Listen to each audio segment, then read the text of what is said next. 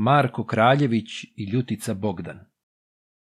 Poranile tri srpske vojvode od Kosova uz Kršno primorje, jedno bješe od Prilipa Marko, drugo bješe Relja od Pazara, treće bješe Miloš od Pocerja. Udariše pokraj vinograda, vinograda Ljutice Bogdana. Igra konja Relja od Pazara, nagoni ga preko vinograda, pa on lomi grozna vinograda, veli njemu od Prilipa Marko. Prođ se relja grozna vinograda, da ti znadeš čiji su vinogradi, daleko bi konja obgonio. Vinograd je ljutice Bogdana. Ja sam jednom ovuda prošao i lomio grozna vinograda. Pripazi me ljutica Bogdane na kobili tankoj bedeviji. Ja ne smijedoh ščekati Bogdana, već pobjegoh uz kršno primorje. Počera me ljutica Bogdane na njegovoj tankoj bedeviji, da mi ne bi šarca od mejdana doista me uhvatiti s čaše, već mi šarac stade odmicati, a kobila poče ostajati. Kad to viđe ljutica Bogdane, on poteže tešku topuzinu, pušća za mnom uz kršno primorje, dovati me po svilenu pasu, pobrati me sapom od topu za šćera mene za uši šarinu, jedva mu se usedlo sedlo povratih i utekoh uz kršno primorje. Ima od tad sedam godinica, već ovuda nijesam prošao. Istom oni u besjedi bijehu,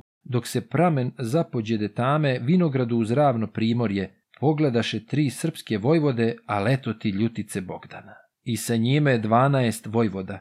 Kad to viđe kraljeviću Marko, on besjedi Relji i Milošu. Čujete li do dva pobratima? Eto nama ljutice Bogdana, sva tri ćemo izgubiti glave. Već hodite da mi pobjegnemo. Al govori Miloš od pocerja. Obrati me kraljeviću Marko, Danas misle i govore ljudi da tri bolja ne ima junaka od nas, ove tri srpske vojvode. Bolje nam je sva tri poginuti neg sramotno danas pobjegnuti. Kad to začu Kraljeviću Marko, on im onda drugu progovara. Čujete li do dva pobratima? A vi hodte da ih dijelimo. Il volite na sama Bogdana ili njegovih dvanaest vojvoda? Veli njemu i Miloš i Relja. Mi volimo na sama Bogdana. To je Marko jedva dočekao u to doba i Bogdan dopade, trže Marko tešku topuzinu, pak počera dvanaest vojvoda. Dok sokrenu nekoliko puta, svih dvanaest od konja rastavi i bijele saveza im ruke, počera ih oko vinograda. A leto ti ljutice Bogdana, gdje goni Relju i Miloša. Obojici savezao ruke. Kad to viđe kraljeviću Marko, prepade se kako nikad nije.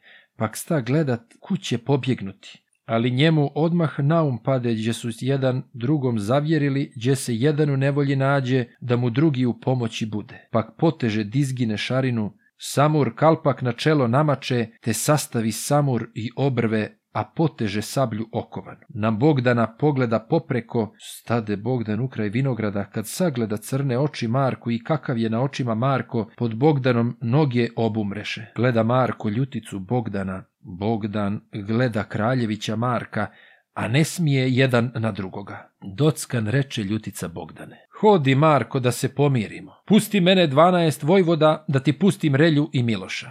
To je Marko jedva dočekao. Pusti njemu dvanaest vojvoda, Bogdan pusti Relju i Miloša.